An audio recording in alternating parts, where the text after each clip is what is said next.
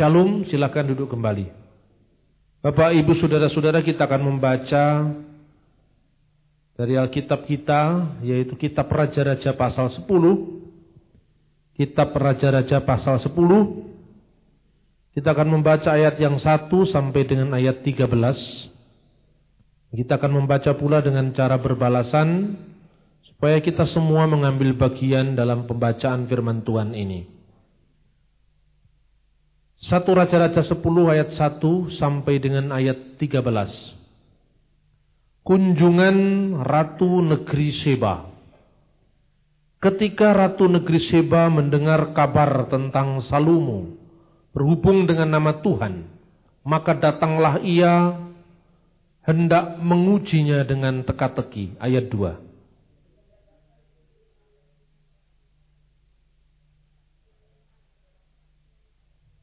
Dan Salomo menjawab segala pertanyaan ratu ini.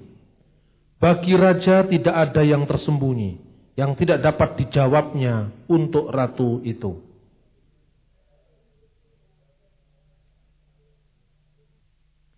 Makanan di mejanya, cara duduk pegawai-pegawainya, cara pelayan-pelayan melayani, dan berpakaian, minumannya dan korban bakaran yang biasa dipersembahkannya di rumah Tuhan maka tercenganglah ratu itu.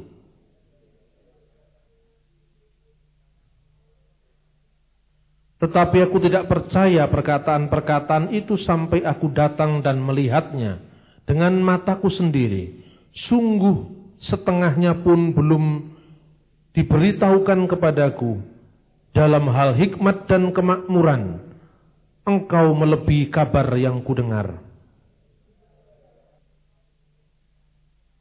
Terpujilah Tuhan Allahmu yang telah berkenan kepadamu semikian, hingga ia menundukkan kau di atas takhta kerajaan Israel. Karena Tuhan mengasihi orang Israel untuk selama-lamanya, maka ia telah mengangkat engkau menjadi raja untuk melakukan keadilan dan kebenaran.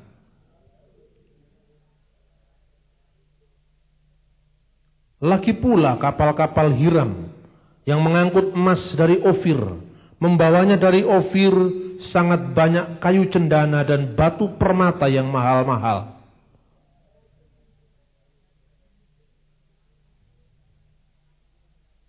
Raja Salomo memberikan kepada Ratu Seba segala yang dikehendakinya dan memintanya selain apa yang telah diberikannya kepadanya sebagaimana layak bagi Raja Salomo. Lalu ratu itu berangkat pulang ke negerinya bersama-sama dengan pegawainya. Saudara-saudara yang terkasih dalam Tuhan, Ratu Seba ini sangat terkenal. Dan hari ini kita berbicara tentang tokoh yang juga sangat terkenal, yaitu Salomo.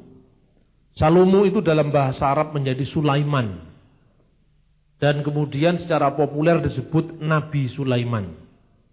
Padahal sebenarnya dalam tradisi, dalam kepustakaan Yahudi, dalam kitab-kitab yang paling kuno, Sulaiman itu bukan seorang nabi. Dia adalah seorang raja. Tetapi karena hikmatnya yang begitu tinggi, maka sering kali dia dijuluki nabi. Tapi dia bukan nabi sebetulnya. Tidak ada ketentuan dalam kitab suci tentang hal itu. Nah kadang-kadang kisah-kisah dalam Alkitab itu kalau sudah sampai di tradisi Arab, semua dinabikan. Iskandar Zulkarnain nabi. Kalau Anda pergi ke Betania, Betania itu di Israel. Di sana ada dua gereja, satu gereja ortodoks Yunani, satu gereja Katolik. Di Betania itu tempat e, di mana Lazarus pernah dibangkitkan oleh Yesus Kristus dari kematian. Nah, karena di sini sudah ada gereja ortodoks Yunani, di sini sudah ada gereja Katolik, Kemudian pada zaman pasukan Salahuddin memasuki Yerusalem, umat Islam sempat menguasai tempat itu. Lalu di depannya yang bisa dikuasai orang muslim, sekarang didirikan masjid. Dan Anda bisa saksikan sampai hari ini dalam tulisan Arab di situ ditulis Masjid Nabi Azhar. Masjid Nabi Lazarus. Nah, yang ngangkat Lazarus jadi nabi itu siapa? Di Quran pun juga tidak ada nabi yang namanya Lazarus. Di Injil pun tidak ada nabi yang namanya Lazarus, tapi disebut Nabi Lazarus. Kalau Anda pergi ke Alexandria, di sana ada masjid besar namanya Masjid Nabi Daniel. Padahal di Indonesia Daniel itu mesti Kristen. Atau Yahudi kalau di Timur Tengah. Tapi Daniel pun Nabi. Semua dianggap Nabi.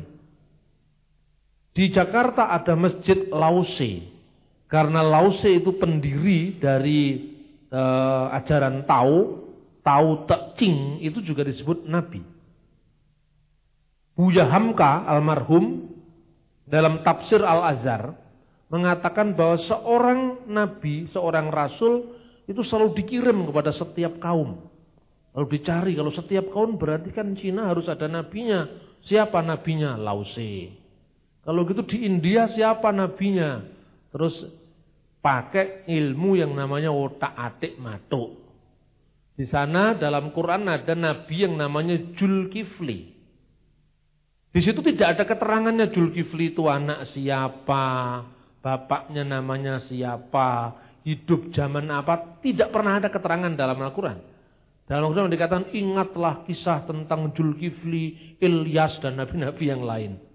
Kemudian sama Buya Hamka di otak Jul itu Buddha, Kifli itu Kafilawastu. Jadi itu Siddhartha Gautama sang Buddha dari Kafilawastu. Jadi Nabi pun diakui Buddha sebagai Nabi. Nah, kemudian beberapa teolog Islam uh, kemudian mengatakan, lu sekarang kalau Islam mengakui Nabi-Nabi sebelumnya, Musa diakui, Yesus diakui, Siddhartha diakui. Kenapa kok orang Kristen tidak mau mengakui Muhammad? Ini kan tidak toleransi, tidak toleran. Terus saya jawab, loh karena Nabi Muhammad itu adanya 700 tahun sekitar kurang lebih setelah Yesus. Karena itu tidak ada catatannya di sini. Jadi sulit untuk memaksa orang Kristen menerimanya kan begitu kan. Loh tapi kan Islam bisa menerima Yesus, bisa menerima Musa, bisa menerima Lause, bisa menerima Siddhartha Gautama. Iya bisa. Terus saya balik. Kalau menerima Nabi setelah Muhammad bisa nggak? Wah itu palsu lah, palsu jari ini sampean. Bagi mereka nggak palsu kan gitu kan. Penyakitnya kaum agama itu adalah memaksakan paradigmanya kepada agama lain. Inilah akar dari kesalahpahaman agama-agama. Kemudian paradigma kita yang kita paksakan itu kalau tidak cocok kita nuduh yang lain palsu. Kan begitu intinya. Nah sekarang ini era keterbukaan tidak bisa seperti itu lagi. Saya ingin meng, Eh, gambarkan nabi-nabi itu adalah sosok historis yang nyata, bukan dongeng. Karena itu, saya terilhami untuk mengangkat Salomo ini apa? Ketika kemarin saya kurang lebih satu bulan tinggal di Timur Tengah. Karena untuk menyelesaikan riset saya mulai akhir bulan April sampai awal bulan Juni. Saya tinggal di Timur Tengah. Saya melihat banyaknya buku-buku yang beredar tentang sejarah kenabian. Yang membuat saya terusik. Lah ini orang Kristen, orang Yahudi, orang Muslim. Tinggal di tempat yang sama. Kok tidak mau saling membaca? Ini kan persoalan. Jadi bagi orang Timur Tengah itu salah satu pola toleransi itu koeksisten. Kita saling ada, tidak saling mengganggu. Ya milikku ya seperti ini, milikmu ya seperti itu. Lakum dinukum waliyadin. Bagiku agamaku, bagimu agamamu selesai. Itu baik, tapi tidak yang terbaik. Karena kalau kita bertemu dengan orang lain, pasti kita mendengar ke pemikiran orang lain. Kita harus mendengar seperti orang lain juga mau mendengar saya, saya juga ingin mendengar orang lain. Baru itu namanya top-top markotop itu namanya. Hebat karena apa? Kita mengerti kebenaran bukan karena apa yang kita pahami dari agama kita, tapi juga mengerti orang lain. Nah, ini saudara-saudara. Karena itu kenapa saya contoh seperti ini? Ketika toleransi itu ada koeksisten, kita saling ada, aku di sini, engkau di situ, sama saja, itu koeksisten. Kita saling ada tanpa saling mengganggu. Itu mutunya kira-kira sama dengan tingkatan sesama bis kota dilarang saling mendahului. Tunggal guru, ojo saling ganggu. Gitu kira-kira seperti itu. Tetapi dalam konteks sekarang adalah pro-eksisten. Artinya pro-eksisten kita saling ada dan kita saling mengerti. Kita saling ada dan kita saling memahami. Kita saling ada dan kita saling berbagi. Nah, ini yang sulit dilaksanakan. Karena setiap agama itu punya ego masing-masing. Padahal kalau ini nggak dilaksanakan, bencananya lebih besar. Kalau situasi aman, lakum dinukum baliadin itu cocok. Situasi aman. Tapi kalau situasi tidak aman, contohnya Ambon.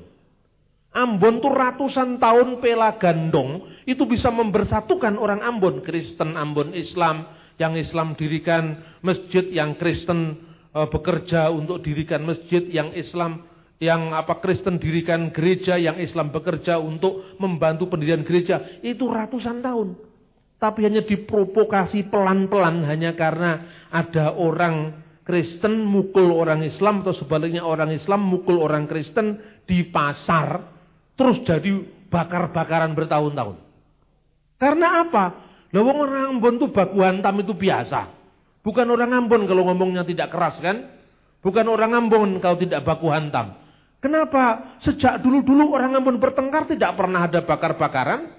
Kok sekarang ada? Karena apa? Provokasi itu muncul karena kita hanya tingkat koeksisten. Tingkat koeksisten itu apa? Ya saya begini, kamu begitu.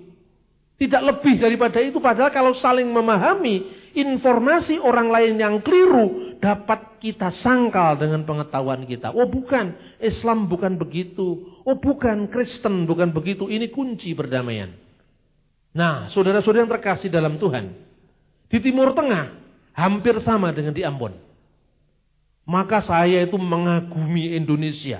Tanah air saya. Saya mengagumi founding father Bung Karno, Bung Hatta, Pak Yamin bayangkan. Di Eropa orang sadar agama tidak menjadi faktor pemersatu berdirinya sebuah bangsa.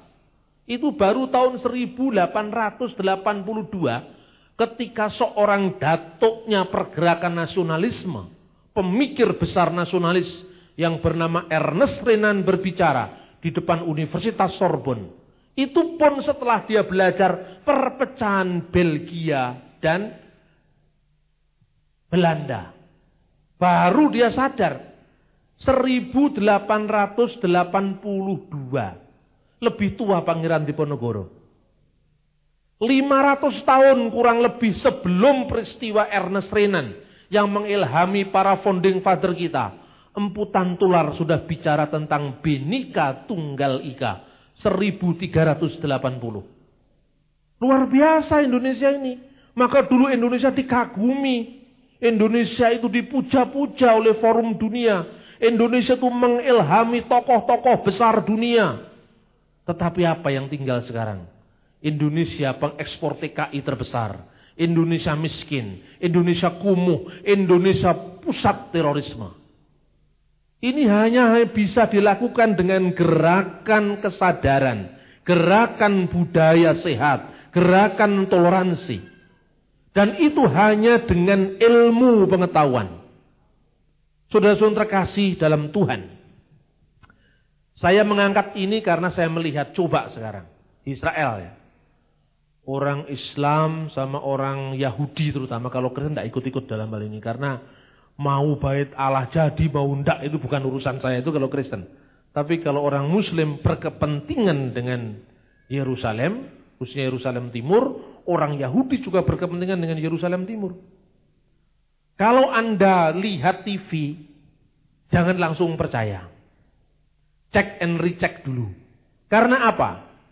Di TV itu banyak cerita-cerita yang dibesar-besarkan. Contohnya, yang namanya Hamas itu bukan mewakili Palestina.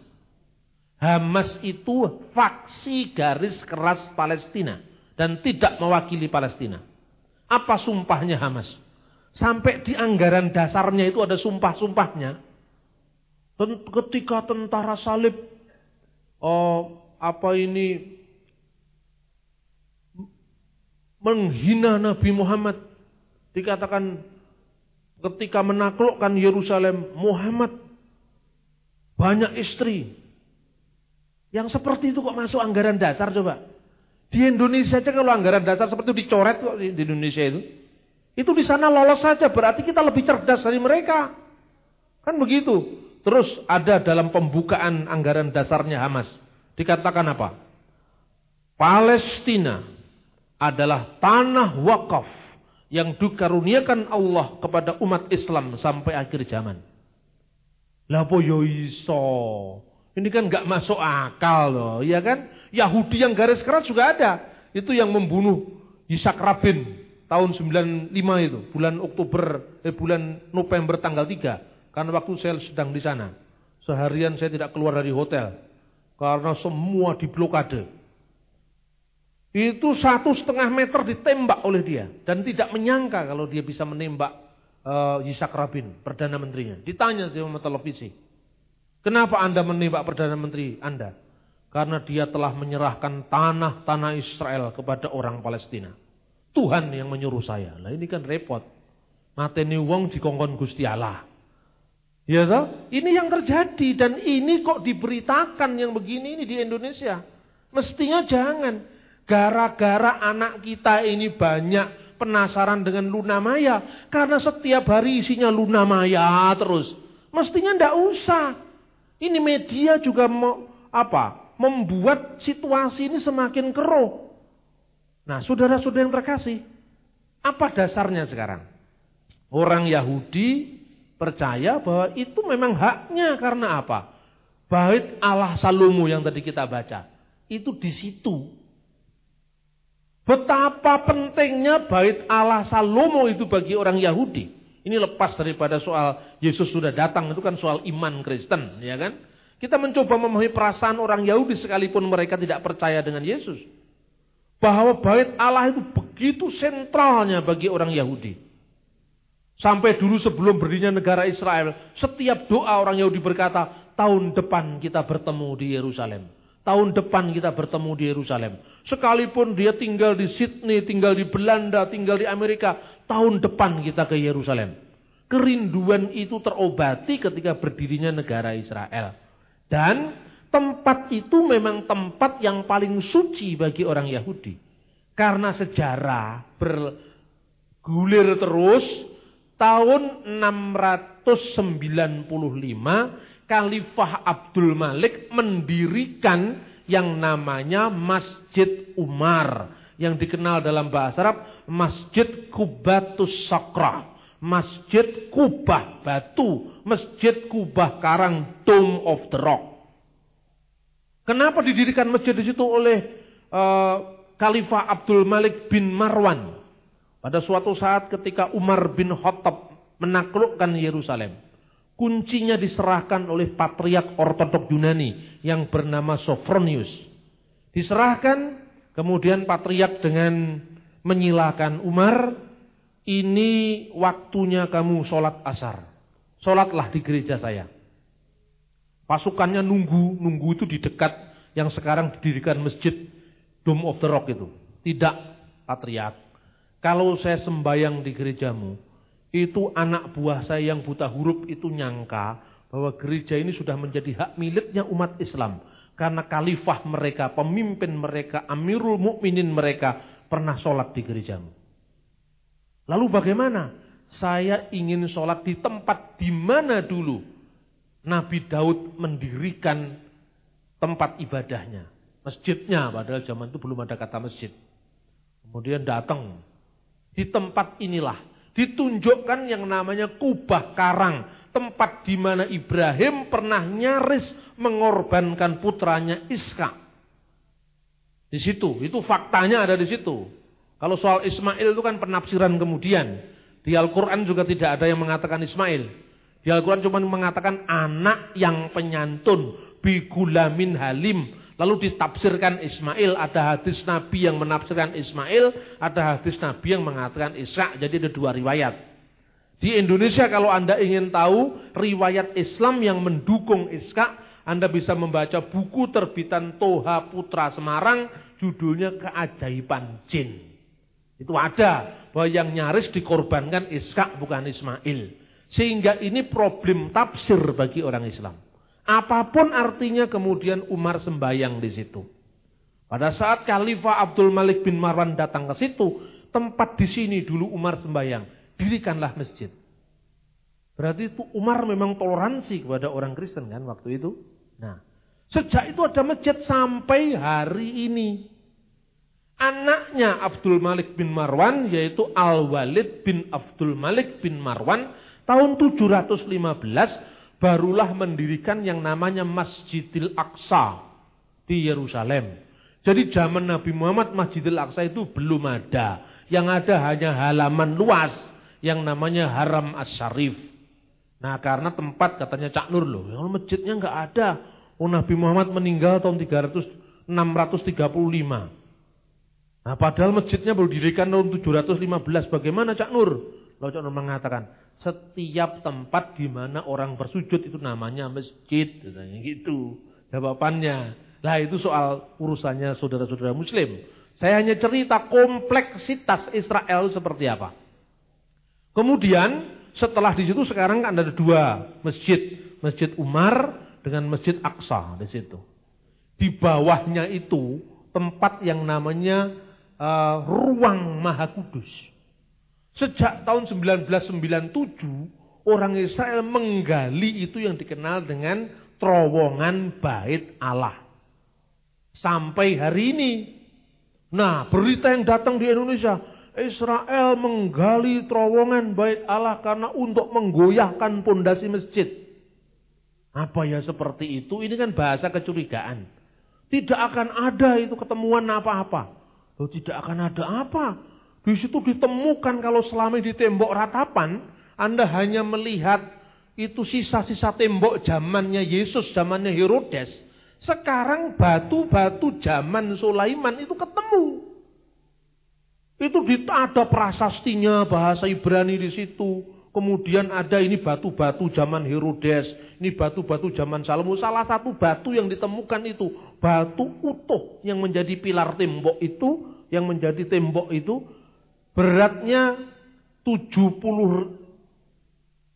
berapa? 500 ton beratnya. Itu batu utuh, caranya mengangkat itu ketemu. Sampai di sana jelas. Nah, jadi orang Israel mencari situsnya bait Allah dengan arkeologi.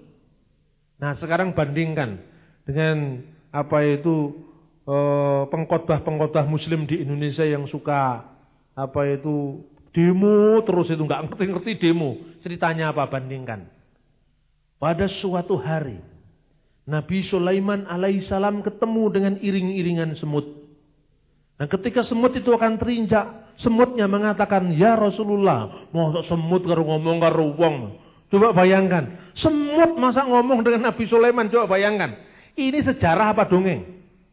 Orang Yahudi menggali sejarahnya dengan arkeologi, dengan temuan, dengan kriteria-kriteria sejarah. Sementara yang kelompok-kelompok satunya ini kelompoknya Basu FCS ini yang jenggotnya 12 itu, dia mengatakan semut ngomong dengan Nabi, coba bayangkan. Apakah ini bisa dijadikan fakta sejarah? Saya netral, karena orang Kristen tidak ada kaitannya dengan konflik ini. Bahkan Vatikan, Paus Yohanes Paulus II mengatakan, Yerusalem tidak boleh menjadi ibu kota Palestina. Yerusalem Timur juga tidak boleh menjadi ibu kota Israel. Ibu kota Israel tetap di Tel Aviv. Palestina ibu kotanya di Ramallah.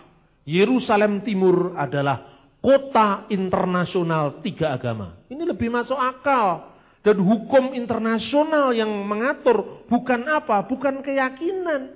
Sebab kalau keyakinan ya repot contohnya sekarang. Kenapa umat Islam begitu berkepentingan dengan tempat ini? Karena di sini ada Masjid Umar. Nah Umar kan bukan nabi. Ayo sekarang. Tinggi mana pangkatnya Umar dengan Nabi Daud atau Salomo, Sulaiman? Sulaiman atau Salomo itu nabinya orang Islam juga. Tokohnya orang Kristen juga. Rajanya orang Yahudi juga. Lah tokoh yang sama. Kenapa sekarang kok diributkan? Coba bisa dipahami enggak? Yang Islam mengeklaim itu tempat suci. Karena tempat itu pertama Nabi pernah Isra Mi'raj dari sana. Sekalipun historisitasnya tadi saya tanyakan, apakah itu benar-benar ada masjid di situ? Wong masjidnya baru dibangun Al-Balid 715. Rasulullah meninggal tuh 632. Masa setelah dia tidak ada, tempatnya baru ada. Ini hal-hal sejarah yang sangat-sangat penting, sangat urgent. Nah ini saudara-saudara. Sementara itu bagi orang Kristen percaya, sudah, robohkanlah bait Allah ini dan dalam waktu tiga hari aku akan membangunnya. Orang Yahudi mengatakan 46 tahun saya membangun bait Allah ini dan kamu mau merobohkan tiga hari? Tetapi Injil Yohanes memberi catatan, yang dimaksudkan bait Allah itu tubuhnya sendiri. Jadi bagi orang Kristen mau dibangun bait Allah Yahudi, mau dibangun apa tidak ada masalah. Karena bagi orang Kristen bait Allah sejati, sekinah Allah sejati itu tubuh kemuliaan Kristus yang sekarang duduk di sebelah kanan Bapa di surga.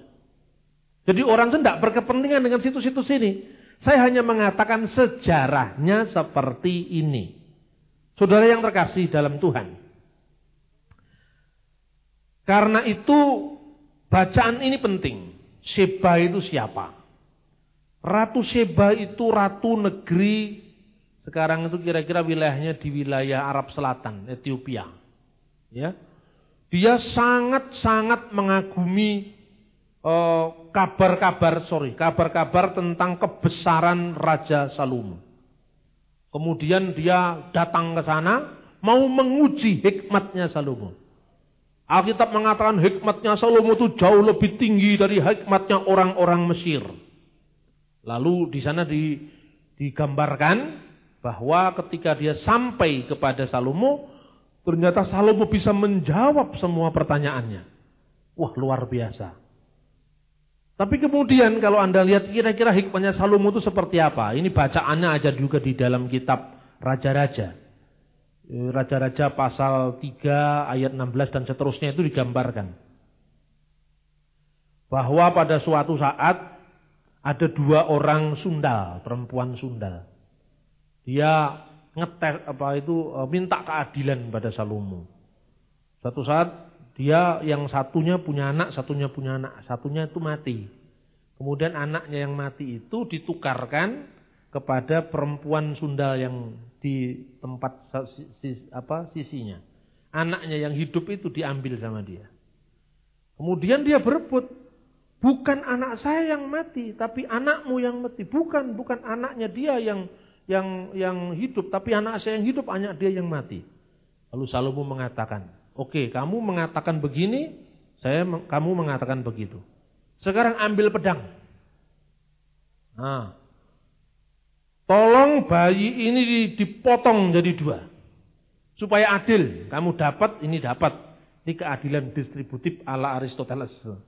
Nah, kemudian ibunya yang sejati tadi mengatakan jangan. Jangan potong dia. Lebih baik serahkan aja kepada dia. Saya nggak tega anak itu dipotong. Satunya nggak mengatakan, yang bukan ibunya mengatakan. Potong saja. Sama-sama karuan. Tiji tibeh mati tiji mati kabeh. Orang oleh bagian, podor oleh bagian. Lalu selalu memikir, nah berarti yang paling berat kalau anak ini mati, itulah ibunya sendiri. Naluri perempuan. Kalau gitu serahkan anak ini. Dialah ibunya. Banyak hikmat-hikmat Salomo yang seperti itu. Nah kemudian dia mengakui hikmat Salomo dari Ratu Seba ini. Dia mengatakan bahkan yang saya dengar itu hanya separuh dari apa yang saya lihat sekarang. Apa yang saya lihat sekarang lebih daripada apa yang saya dengar tentang Salomo itu. Lalu diberikan kepadanya 120 talenta emas. 120 talenta emas. Itu kira-kira nilainya sama dengan 41 sampai 42 ton emas talenta. Yang diberikan oleh Ratu Seba itu. Dan sangat banyak rempah-rempah, batu permata yang mahal-mahal. Tidak pernah datang lagi begitu banyak rempah-rempah seperti yang diberikan Ratu Seba kepada Salomo. Pertanyaan berikutnya, rempah-rempah itu asalnya dari mana coba? Waktu itu sudah ada jalur perdagangan. Laut Merah, eh, pelabuhan Akaba sekarang ini Ezion Haber namanya. Itu kemudian ke Arab Selatan, ya kemudian dari Arab Selatan itu ke India, India ke Indonesia. Di dunia ini pusat rempah-rempah hanya Indonesia. India hanya punya tumbar dan bawang bombay, tetapi tidak punya merica dan pala. Itu terbesar dihasilkan dari pulau-pulau Indonesia Timur. Pertanyaannya, mungkinkah rempah-rempah ini didatangkan dari Indonesia? Lalu ofir itu dari mana? Jadi suatu saat saya diundang berceramah di lingkungan Islam. Ketika mereka rame Israel, Palestina, Israel, Palestina, saya belokkan omongannya. Ofir itu adalah Indonesia. Wah mereka kaget semua. Biasanya mendengar Sulaiman dungeng semut iso ngomong, sekarang saya lihat faktanya apa. Mereka nggak jadi nggak nggak nggak nggak apa itu nggak mencekal saya, malah wah seneng sama saya. Pak, jangan kapok-kapok nanti saya undang lagi. Oh ya siap, gerak. Saya bilang begitu. Karena apa ini penting? Saya bukan ngomong begini hanya karena nyeneng-nyenengkan orang Indonesia tidak. Mari kita lihat faktanya. Satu, lagi pula kapal-kapal hiram yang mengangkut emas dari Ofir. Membawa dari Ofir sangat banyak kayu cendana dan batu permata yang mahal-mahal. Kayu cendana itu dari mana? Coba. Persediaan terbesar hanya ada di Asia Tenggara, khususnya Indonesia. Kemudian raja mengerjakan kayu cendana itu menjadi langkan untuk rumah Tuhan dan untuk istana raja. Luar biasa. Kita pernah menyumbangkan 900 tahun sebelum Masehi. Di bait Allah itu kayu cendana dari Indonesia. Ini mau saya tulis jadi buku loh ini. Dan akan saya jadikan tem, apa itu eh, sarasian-sarasian kebangsaan keliling Indonesia. Ternyata bait Allah yang dibangun oleh Nabi Sulaiman bahasa populernya kan begitu. Baitul Maqdis itu kayu cendananya dari Indonesia, emasnya dari Indonesia. Jadi Indonesia ini negeri yang sangat dicintai oleh Tuhan kan gitu. Sambil merdeka, nah, itu kan. Jadi orang akan melihat, wah kalau gitu kenapa saya harus mikir dongeng? Kenapa saya tidak mikir fakta sejarah? Ofir, menurut penerjemah Alkitab abad keempat Masehi namanya Hieronymus atau Jirom, Saint Jirom. Dia menulis dalam kitab yang namanya Vulgata. Dalam Vulgata itu tidak sebanding emas dari Ofir. Diterjemahkan emas dari Ofir adalah emas dari India. Flavius Josephus, seorang ahli sejarah abad pertama, zaman sejaman dengan Yesus, dia mengatakan Ofir adalah Ovara di India Utara. Ofir itu Ovara di India Utara. Yang lain-lain mengatakan itu ada di uh, Somalia. Yang lain-lain mengatakan oh itu ada di Oman, Arab Tenggara. Tapi persoalannya, Alkitab juga mengatakan jarak untuk pergi ke sana itu hanya diperlukan waktu setahun. Sementara jarak antara Ezion Gever menuju ke Ofir digambarkan dalam Alkitab dengan bongkar pasangnya kapal itu tiga tahun. Jadi terlalu jauh, terlalu dekat kalau Oman. Terlalu dekat kalau India. Yang paling mungkin yang lebih jauh dari India. Apa itu sampai tiga tahun? Kalau Anda belajar tentang pelayaran abad-abad sebelum Masehi misalnya tulisannya, geografinya Ptolemeus yang menyebut Indonesia itu adalah pulau emas. Itu seorang penulis dari Alexandria pada abad pertama Masehi juga abad 150 eh, Masehi, Ptolemeus.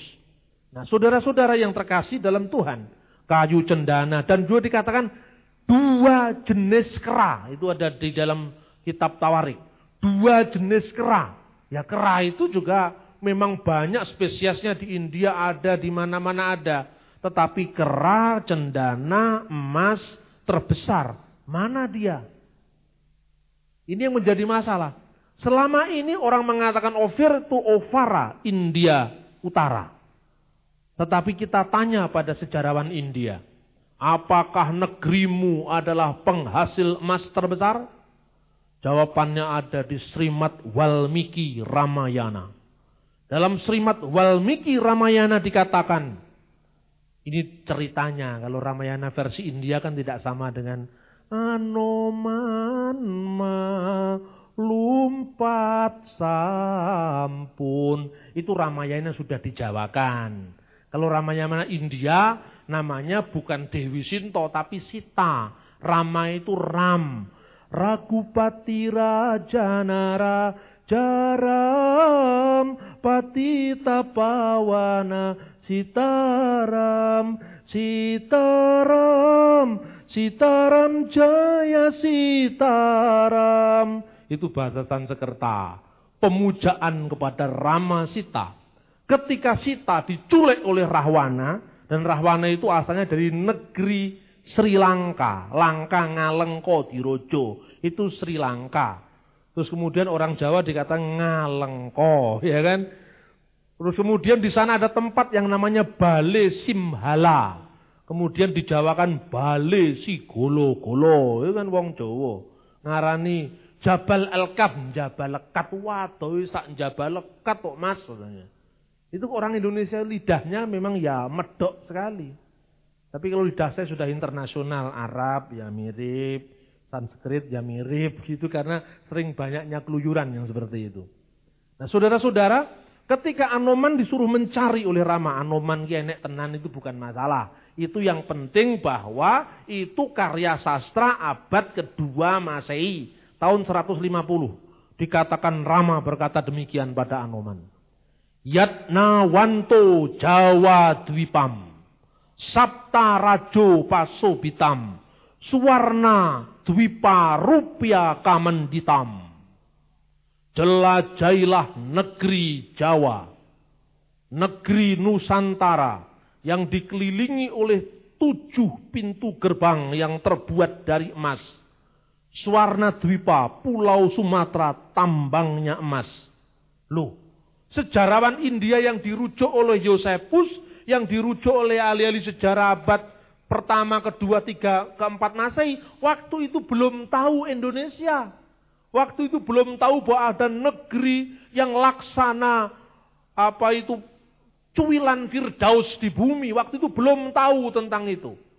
Karena itu dia menafsirkan paling jauh ya India kan begitu. Nah orang India sendiri tidak merasa penghasil emas. Bahkan di akhir seloka Ramayana itu dikatakan demikian. Di negeri paling timur dari kepulauan itu. Yaitu maksudnya Nusantara. Dwipantara itu. Ada satu gunung yang namanya Gunung Sirsira. Parwata Siro e, nama. Namanya Gunung Parwata. Puncaknya bersalju tinggi menyaput langit. Dikunjungi oleh dewa dan danawa. Mana itu? Gunung Jayawijaya. Di apa itu? Papua. Gunung Jayawijaya itu kan ada saljunya. Di sana dikunjungi oleh dewa. Karena orang India tidak tahu tempat itu terlalu jauh dan Danawa. Danawa itu yang menjadi bahasa Jawa Danowo artinya buto.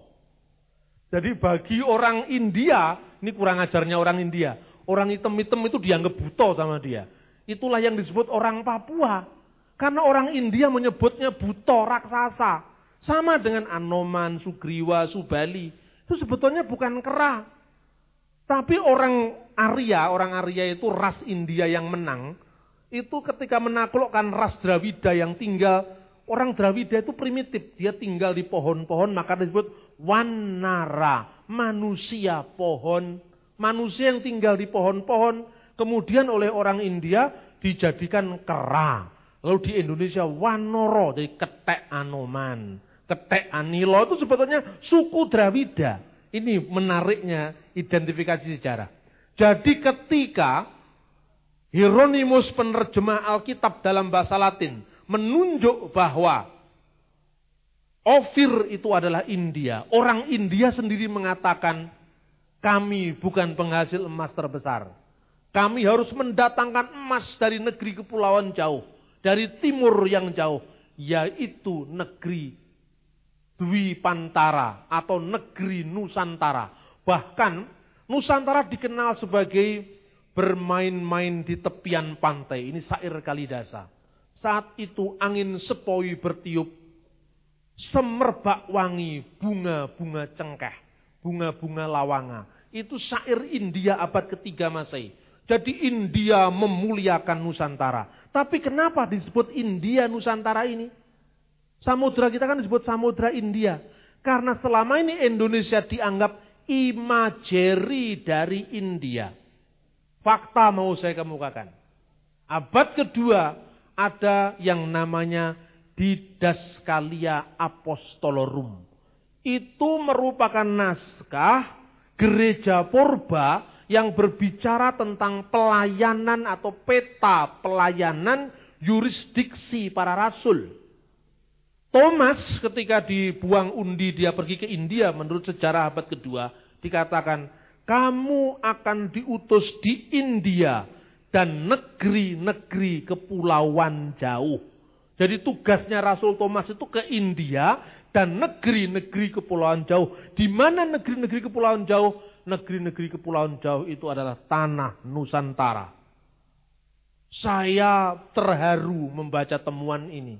Karena itu sudah lama saya uncai dikit-dikit mulai tahun 1999. Saya mencari datanya, ketemu itu dari Benares ada buku Srimat Walmiki Ramayana. Saya pergi ke Israel ketemu di Daskalia Apostolorum dalam bahasa Yunani. Saya pergi lagi ke tempat lain, saya bertemu dengan beberapa naskah. Termasuk yang kemarin itu banyak naskah yang saya temukan selama saya satu bulan tinggal di Mesir. Dan ini saya jadikan uh, mungkin adalah sumpah Nusantara setelah sumpah pemuda. Agar negeri ini tetap bersatu, negeri ini juga tetap memuliakan Tuhan. Tetapi yang saya lihat dari konteks kitab suci. Orang ini tidak suka dengan Alkitab meskipun Alkitab ini sejarah. Karena dianggap Kristen. Kan begitu kan? Tetapi dengan saya tulis di forum kebangsaan, semua orang akan membaca Alkitab. Amin, saudara-saudara. Bagaimana tidak? Wong ini sejarahnya begitu. Kalau perlu saya tulis teks Ibraninya, misalnya contohnya. Deskripsi tentang kepulauan jauh menurut naskah gulungan kitab Nabi Yesaya yang berusia 2150 tahun. Ayo sekarang, sefanatik apa pun pasti dia ingin lihat naskah yang usianya 2150 tahun, The Dead Sea Scroll. Di situ ada ungkapan tentang Indonesia dalam kitab Nabi saya nanti akan saya bacakan. Nah, saudara-saudara yang terkasih dalam Tuhan, apa yang menjadi menarik pada konsep Salomo ini? Pertama, Salomo tokoh sejarah. Sulaiman itu tokoh sejarah. Karena dia tokoh sejarah, dia tunduk pada hukum sejarah.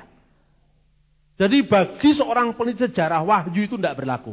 Wahyu itu lek sing percaya. Itu yang namanya wahyu si Hombing kalau tidak percaya. Temennya Frankie si Hombing. Atau wahyu Suhendro. Atau wahyu Iskandar. Yang percaya wahyu-wahyu karmu. Tapi kalau sejarah tidak boleh seperti itu. Sejarah ya sejarah, histori ya histori. Bukan harus dikaburkan dengan keyakinan. Tetapi saya ingin mengangkat teks kitab suci ini sebagai dokumen sejarah karena memang dia ditulis tahun 900 sebelum Masehi Salomo ini. Dan ini secara uh, naskah, manuskrip ini sangat berharga. Sehebat apa pun Quran dianggap sebagai wahyu Tuhan, abad ke-7. Sejaman dengan Borobudur, tidak ada nilainya. Kan begitu pola pikirnya. Jangan kemudian gara-gara wahyu semua batal. Semua tidak berlaku karena wahyu Allah subhanahu wa ta'ala. Iya menangi dewe kalau itu. Bagi saya, lo kenapa pak? Kok Al-Quran tidak dikutip di tulisan anda? Nah ini abad ke-7 sejaman dengan Borobudur. Masa saya kutip? Wong yang diberitakan ini adalah abad-abad pertama Masehi, abad 9 Masehi. Nah yang namanya Nabi Sulaiman itu kan hidupnya abad 9 sebelum Masehi. Ya naskahnya satu-satunya ini. Sampai mau nggak seneng dengan Alkitab, kepeksa seneng karena memang ini naskahnya. Nggak ada dokumen yang selengkap ini. Sampai nggak seneng, kepeksa seneng wae apa-apa. Karena nggak ada dokumen lain mau apa sekarang? Benar apa enggak? Saya ingin wacana-wacana dikenal orang banyak. Jadi kitab suci itu menjadi pusat pembelajaran. Menjadi pusat di mana orang akan mengacu kitab suci. Sejarawan mengacu kitab suci. Bukan hanya di gereja. Ini gerakan yang sedang saya lancarkan sekarang. Saya yakin gerakan ini akan berhasil. Karena apa? Karena memang orang ingin tahu itu lebih besar. Tadi malam saya bicara di Parisada Buddha Nichiren Sosu. Pertemuan generasi muda Buddha Nichiren Sosu di Lamongan. Dibuka oleh Bupati Lamongan. Eh, siang tadi saya sudah pulang karena saya pelayanan di sini. Eh, penceramahnya adalah Wakil Gubernur Jawa Timur. Dan kemarin siang itu ceramahnya adalah Selamat Effendi Yusuf dari MUI, dulu pengurus Golkar. Nah saya katakan di sana tentang fakta-fakta ini. Orang Buddha, orang Islam, ya kepeksa seneng memang faktanya hanya ini kok.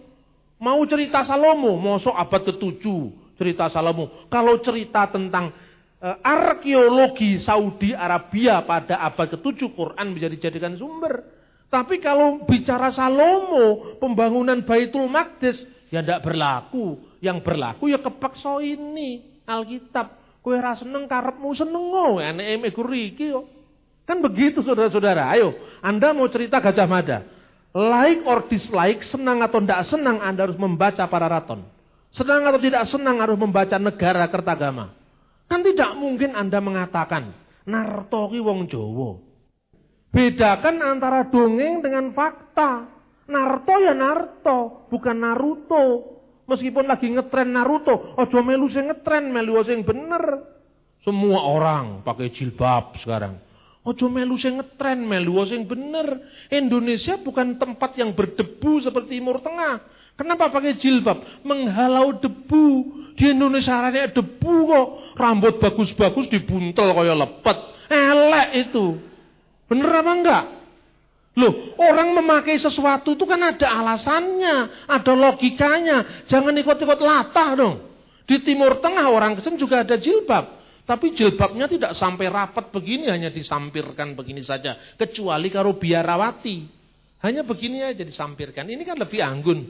Kayak jilbabnya Ibu Nuriyah Abdurrahman Wahid. Kayak mukenanya Ibu Megawati, Ibu Fatmawati kan lebih anggun. Ketimbang set set set. Wah, wopo itu kan? Kok melu-melu? Bangsa Indonesia itu sukanya melu-melu. Selama kita ikut-ikutan, kita tidak pernah bisa menjadi bangsa yang besar. Saya itu mempraktekkan pribadi saya. Saya mengatakan, loh kenapa ikut? Selama kan trennya ikut-ikut ngomong Betawi-Betawi. Saya itu sudah sejak kapan di uh, Jakarta. Saya tidak ikut ngomong Betawi. Saya itu ngomongnya ya apa adanya, Jawa Timuran. Lah kok sekarang orang pada terok-terok saya, ikut-ikut saya. Lah, itu berarti pribadi saya lebih kuat daripada pribadi yang saya pengaruhi. Kalau Anda ikut-ikut berarti Anda terpengaruh. Tetapi bagaimana sekarang kita menciptakan pribadi yang kuat agar orang terpengaruh dengan kita? Pribadi yang kuat itu pribadi yang berani mencipta, berani melawan arus apa pun resikonya, tapi dengan pertimbangan yang matang. Saudara-saudara yang terkasih dalam Tuhan, sekarang sosok Salomo, tadi pagi saya berbicara tentang sosok Ibrahim. Gara-gara membaca teks salah, Pirke uh, Eliesar, di situ dikatakan, Ani Adonai Hosetika mi urkasdim. Akulah Tuhan yang mengeluarkan engkau dari urkasdim. Firmannya kepada Abraham. Dibaca oleh Rabi Eliezer, Pirke Rabi Eliezer abad kedua. Ani Adonai Hosetika Asher Hosetika me or kasdim. Akulah yang mengeluarkan engkau dari api kasdim. Lah kemudian muncul cerita di dalam Midras Rabah Yahudi abad kedua yang sekarang ini oleh orang Yahudi sendiri gak dianggap sebagai sejarah yang cerita Ibrahim dibong mempan. Lah ini sekarang de uh, mitologisasi terhadap tokoh-tokoh kenabian. Sekarang saya mau tunjukkan pertama selain hikmat Salomo mari kita lihat satu raja-raja pasal 4 ayat 33. Apa yang tertulis di sana ini penting. Begini bunyinya. Ia bersajak tentang pohon-pohonan. Dari pohon aras yang di gunung Libanon sampai kepada hisop yang tumbuh pada dinding batu ia berbicara juga tentang hewan dan tentang burung-burung dan tentang binatang melata dan tentang ikan-ikan. Nah, Salomo berbicara tentang burung, Bukan Salomo ngomong dengan burung. Coba teksnya. Salomo berbicara tentang pohon-pohonan. Mulai pohon aras dari Lebanon sampai hisop yang tumbuh di dinding batu. Ia berbicara tentang burung-burung dan tentang binatang melata dan tentang ikan-ikan. Bukan Nabi Sulaiman ngomong dengan iwak. Bukan Nabi Sulaiman ngomong dengan burung. Bukan. Saya masih ingat dulu waktu saya masih kecil. Saya waktu masih kecil itu agak nakal. Nakal tapi tidak jahat. Nah ini ceritanya. Setiap kali hari raya Idul Fitri, nenek saya mendapat tamu. Tamunya itu adalah teman dari almarhum kakek saya. Jadi setiap dia bertamu yang diceritakan Nabi aja yang diceritakan. Kadang-kadang saya ngintip di balik pintu. Dia cerita pakai bahasa Jawa. Ya inggih Bu, rumin menika nasik zamanipun Nabi Sulaiman. Menika Nabi Sulaiman menika mboten namung saged tata jalma kaliyan menungso. Lah wong Nabi Sulaiman menika saged ngendikan kali satu kewan, ngendikan kali manuk, ngendikan kali lumut mawon saged. Terus saya baca tentang hewan dan tentang burung-burung. Bahkan dengan dinding batu, oh rupanya ada salah teks. Dan ternyata sumbernya saya cari. Nggak mudah loh, saya cari sumbernya. Saya belum berani ngomong kalau nggak ketemu sumbernya. Dan sekarang sumbernya sudah saya temukan.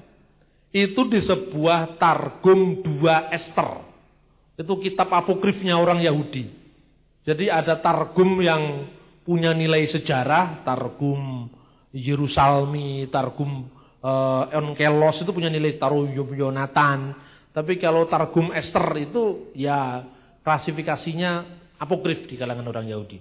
Digambarkan, nah ini dalam Targum itu mungkin karena salah membaca tentang burung-burung dibaca bicara dengan burung. Padahal dikatakan Salomo berbicara tentang burung-burung, bukan Salomo bicara dengan burung. Saya cari teksnya, ternyata ketemu. Pada suatu hari, ini menurut Targum 2 Esther ini dikatakan, Sulaiman punya pasukannya dari burung-burung. Pasukan dari burung-burung dan semua hewan itu dipanggil oleh Salomo. Dan salah satu burung yang besar, di itu sering diterjemahkan dengan ayam jantan. Tapi ayam jantan itu di dalam salah satu teks dari bahasa Ethiopia disebut hud-hud. Dan itu yang masuk dalam Al-Quran burung hud-hud.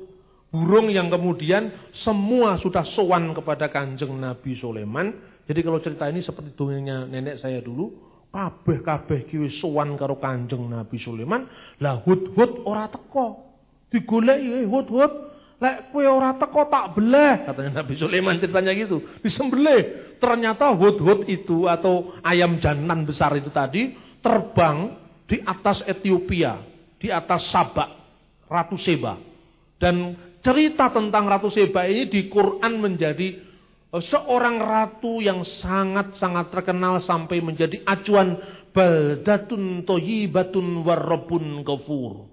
Negara yang makmur dalam perkenan atau ridho Tuhan, dalam makfirah Allah, dalam makfirah Tuhan. Kemudian burung ini lihat kepada raja atau ratu Seba itu. Lalu ketika dia mau dibeleh sama Salomo dibelah itu sembelih. Dia datang. Dari mana kamu? Hud-hud kira-kira seperti itu. Uh, maaf Baginda, saya baru keliling-keliling dunia dan saya melihat di sana ada sebuah kerajaan di selatan yang tidak mau tunduk kepadamu. Oke. Lalu uh, panglimanya Salomo memanggil burung-burung itu dan kemudian menuliskan surat di atas burung itu.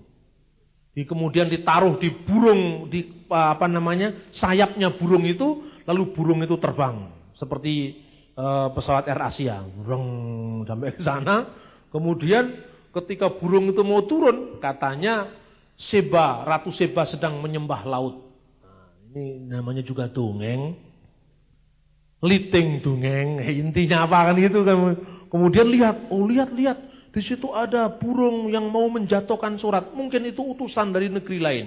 Jatuhlah surat itu. Dan kemudian surat itu dari Salomo, Raja Israel.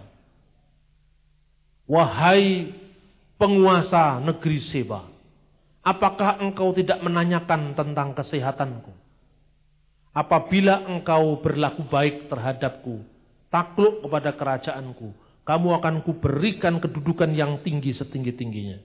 Tapi apabila engkau tidak mau tunduk, kamu akan saya kirim pasukan. Nah, kira seperti itu. Kemudian diterimalah surat itu, dia minta pertimbangan kepada pasukannya. Bagaimana pasukan? Datang aja ke sana sambil lihat-lihat kayak apa si Salomo itu. Dia datang oh, dengan pasukan burung-burung itu tadi. Gak tahu burung gagak ada apa enggak waktu itu. Burung Garuda mungkin juga enggak ada itu. Datang sampai di sana, kemudian waktu dia masuk ke istana Salomo, menurut Targum dua Esther ini, ternyata singgasannya Salomo terbuat dari kaca. Lantainya terbuat dari kaca.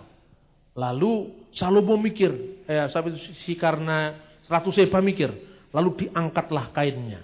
Dia jalan, Salomo tersenyum.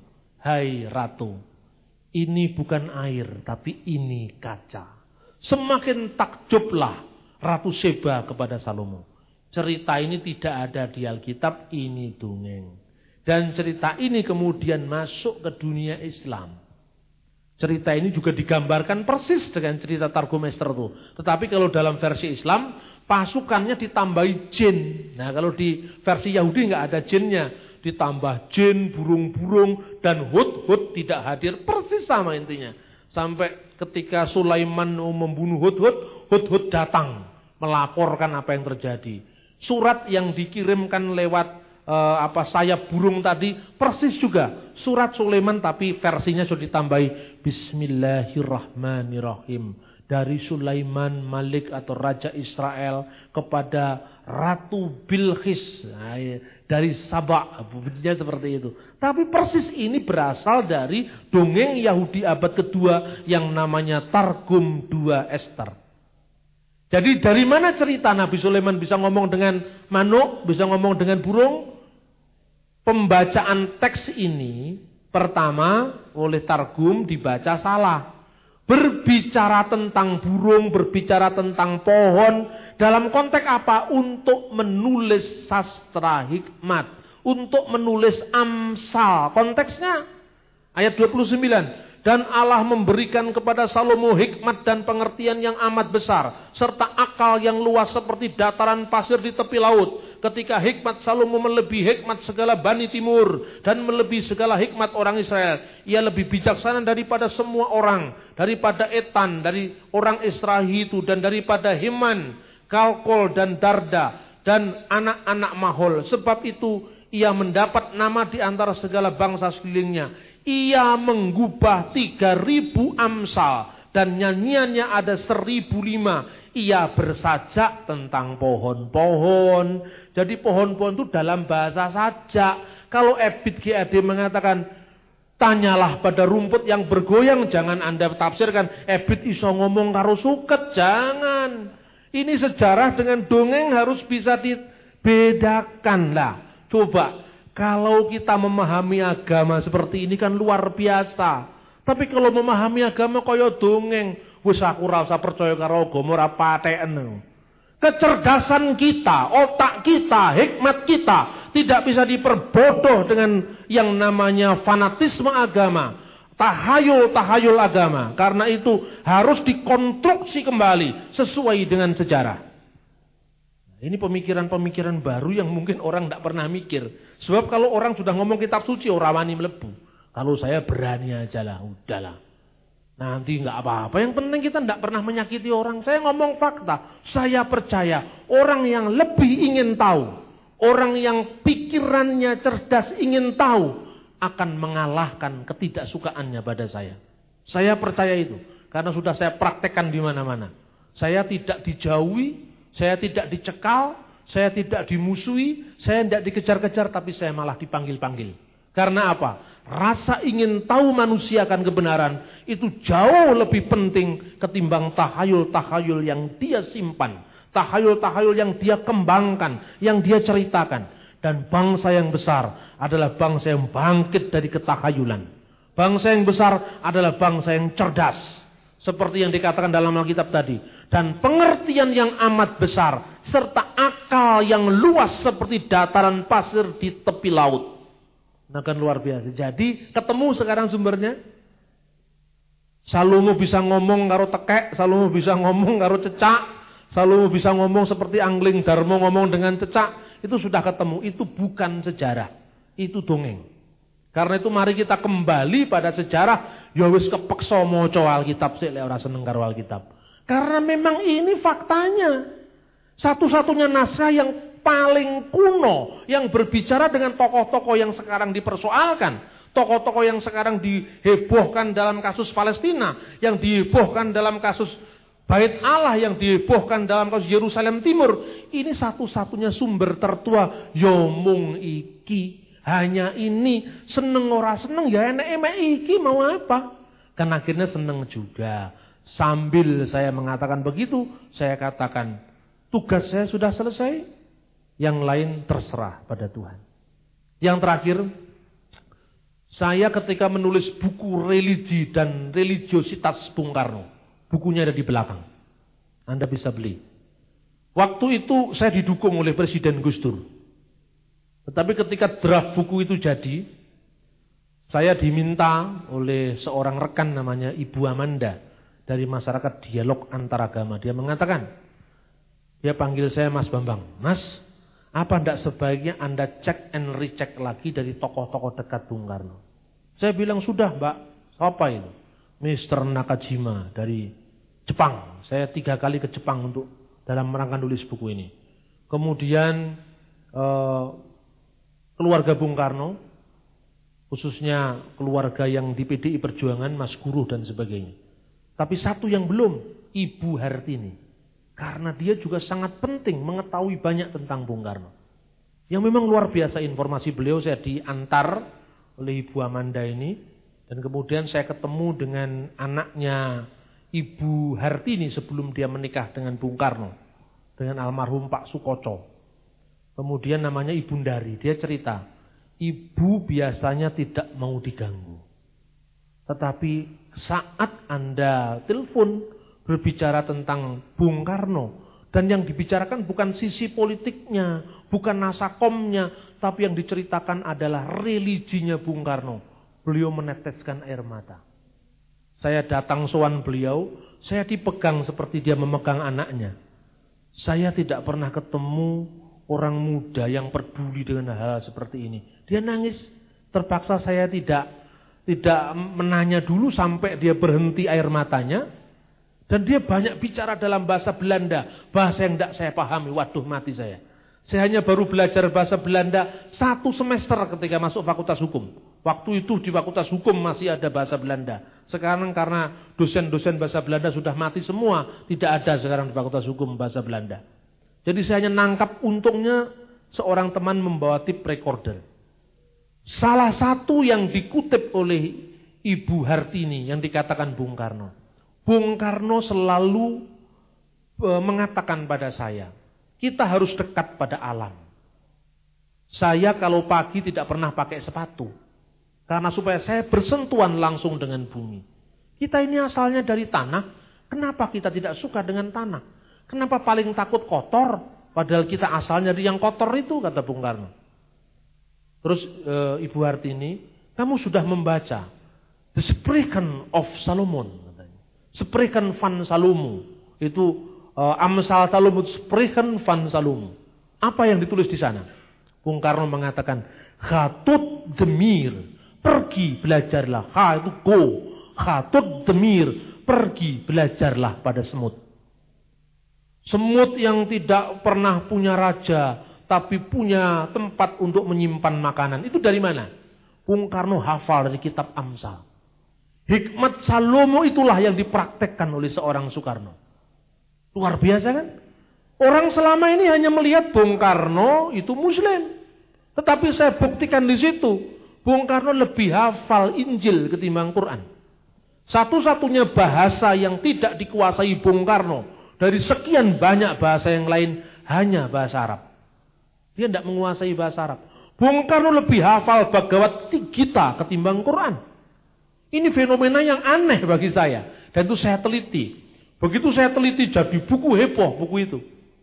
Beberapa tahun yang lalu kan buku itu sempat heboh.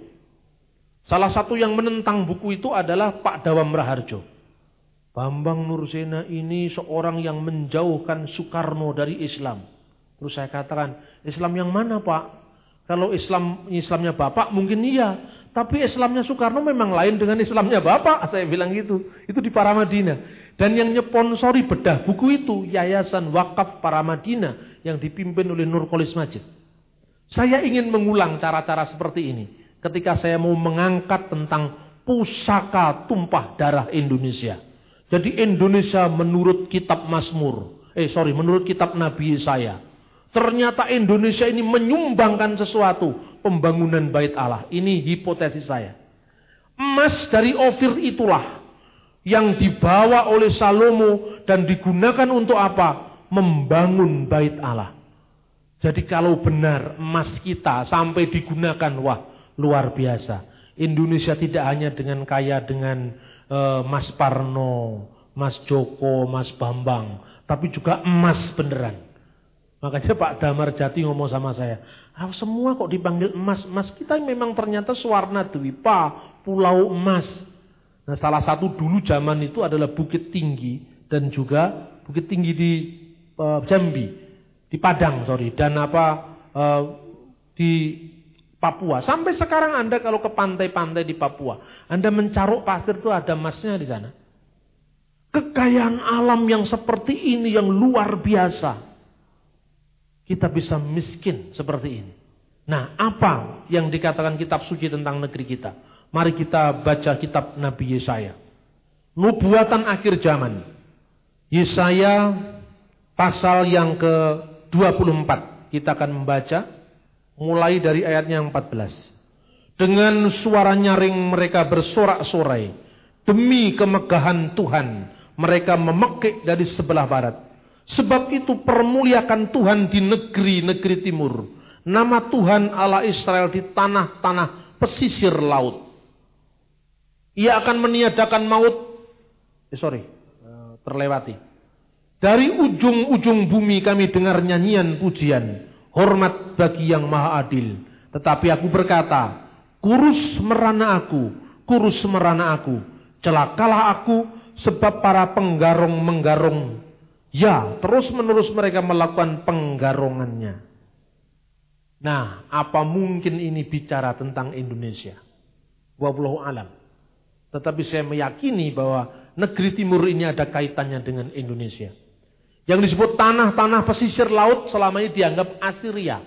Tapi Assyria hanya memiliki satu dua pulau. Indonesia memiliki ribuan pulau besar dan kecil. Indonesia daerah yang memiliki pantai terluas di dunia. Dan ujung-ujung dunia tidak mungkin Assyria di Irak. Maka sekarang baru ada seorang penulis di Israel yang menulis From Jerusalem to Papua. Dia meyakini bahwa ujung bumi yang ditulis dalam Alkitab adalah Papua. Nah luar biasa. Gerakan-gerakan sekarang ini semakin hari semakin mendekatkan antara kitab suci dan Indonesia. Antara Israel dan Indonesia.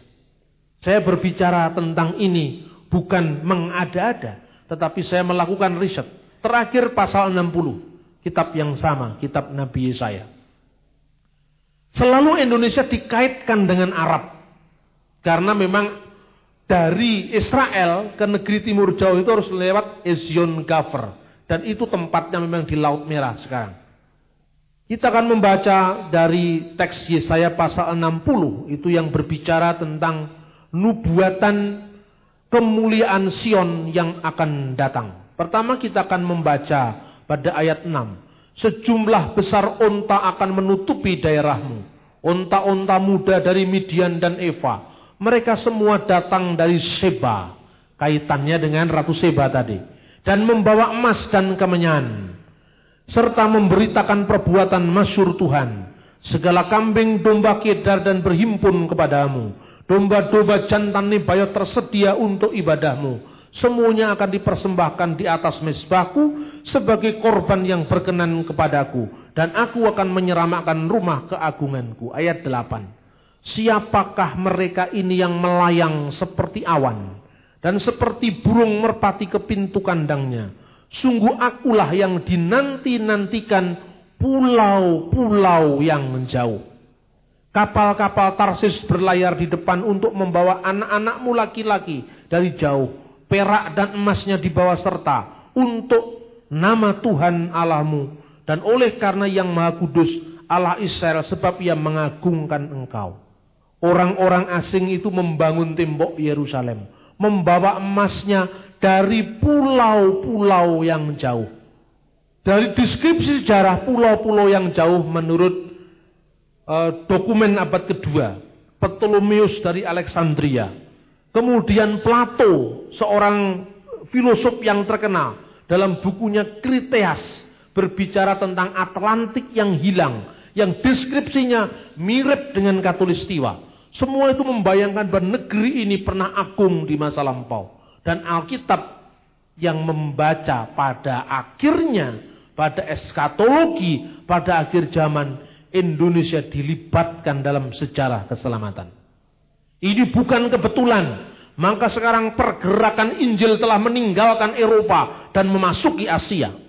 Ini bukan kebetulan bahwa di Eropa Injil tidak lagi menjadi uh, sesuatu yang mengilhami, memberikan spirit kepada orang Eropa sekarang pusatnya di Asia. Ini yang kemarin saya sampaikan dalam sebuah seminar di Thailand di evangelistic uh, apa Bangkok Evangelistic Ministry.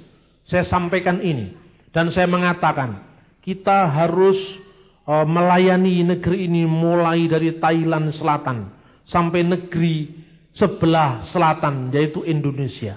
Karena negeri ini saya yakin akan menjadi pusat bagi evangelisasi. Pusat bernama Tuhan dan kebenaran akan diwartakan dari sini. Ada banyak fakta yang tidak bisa saya jelaskan.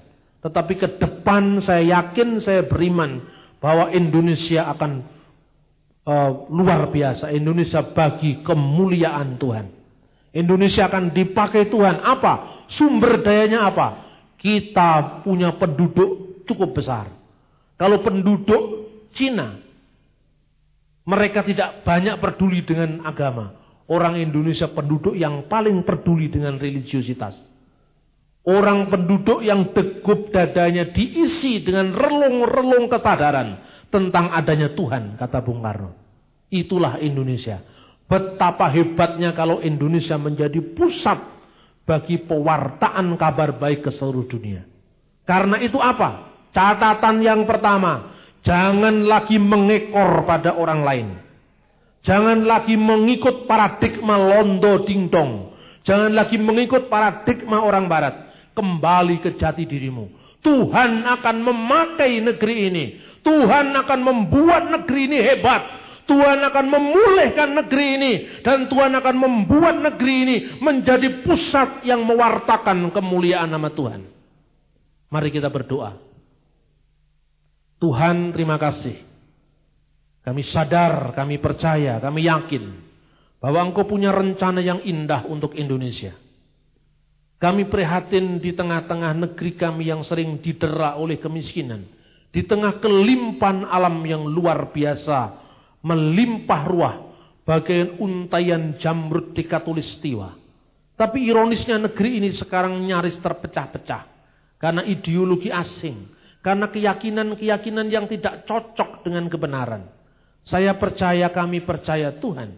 Bahwa kuasa Tuhan akan melebihi dari kuasa-kuasa teroris di mana pun juga. Mereka datang untuk membunuh. Tetapi Yesus datang untuk memberi hidup. Mereka datang untuk membinasakan. Tetapi Yesus datang untuk memberi keselamatan. Kami percaya Tuhan bahwa kuasamu akan mengalahkan kuasa-kuasa dunia dan kami yakin bahwa peristiwa itu, penggenapan itu sudah dekat. Kami yakin dan kami percaya negeri-negeri kepulauan jauh akan memuliakan Tuhan. Akan memberikan persembahan-persembahan untuk menyemarakkan bait keagunganmu. Tuhan kami rindu bahwa nubuat itu akan digenapi dalam waktu segera mungkin. Karena itu Tuhan ajar kami untuk mengumpulkan banyak orang agar dimuridkan agar diberi pemahaman baru. Kami kadang-kadang tidak sabar dengan jalannya sekat-sekat organisasi yang tidak siap. Kami kadang-kadang juga tidak sadar dengan orang sekeliling kami yang tidak siap mengerti apa yang disampaikan. Tetapi kami percaya bahwa kuasa Tuhan akan mematahkan semua rintangan Meskipun kadang-kadang tampak otoriter, tetapi kami yakin bahwa apabila itu semuanya dilakukan karena tidak sabar menunggu bahwa kenyataan ini akan terjadi di depan mata kami. Tuhan jadilah kehendakmu. Jangan kehendak kami yang jadi. Kami juga berdoa untuk negeri yang tercinta Indonesia. Negeri yang kemungkinan besar pernah menyumbangkan emasnya untuk pembangunan bait Allah. Negeri yang membawa kayu cendana untuk rebana memuji Tuhan. Negeri yang telah menyemarakkan bait keagunganmu. Di akhir zaman negeri ini juga engkau akan pilih. Kami percaya Tuhan bahwa penggenapan itu sedang terjadi dan akan terus terjadi. Ajar Tuhan kami terlibat dalam gerakan rohani ini. Ajar kami untuk terlibat, untuk rela, untuk menjadi utusan-utusanmu, utuslah kami Tuhan. Agar negeri ini semakin dipulihkan. Dan negeri ini akan membawa berkat bagi negeri-negeri yang lain. Kami percaya dengan mata iman kami yang memandang ke depan. Bahwa Indonesia bagi kemuliaan nama Tuhan. Terima kasih Bapa. Kami juga berdoa untuk gerejamu di tempat ini GP Alpha Omega. Kami percaya bahwa gereja ini hadir bukan karena sesuatu hal yang, yang lain, tetapi karena Tuhan sendiri yang menghendaki.